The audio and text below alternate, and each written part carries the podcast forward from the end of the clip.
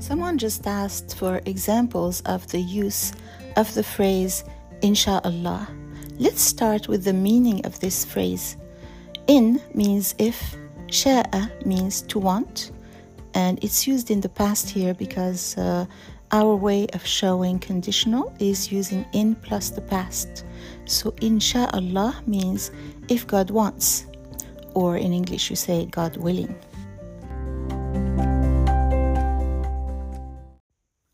And this phrase is used to keep in mind that nothing will happen unless God allows it. One example would be سأسافر غدا إن شاء الله which means I will travel tomorrow, God willing. It is sometimes used to give the impression that this may or may not happen, that you cannot promise anything.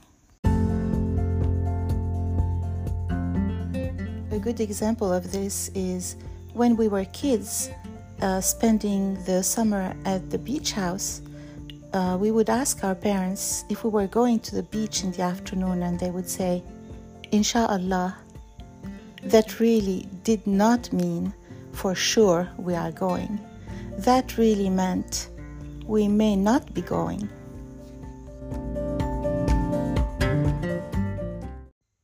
Do you have such an expression in your own language?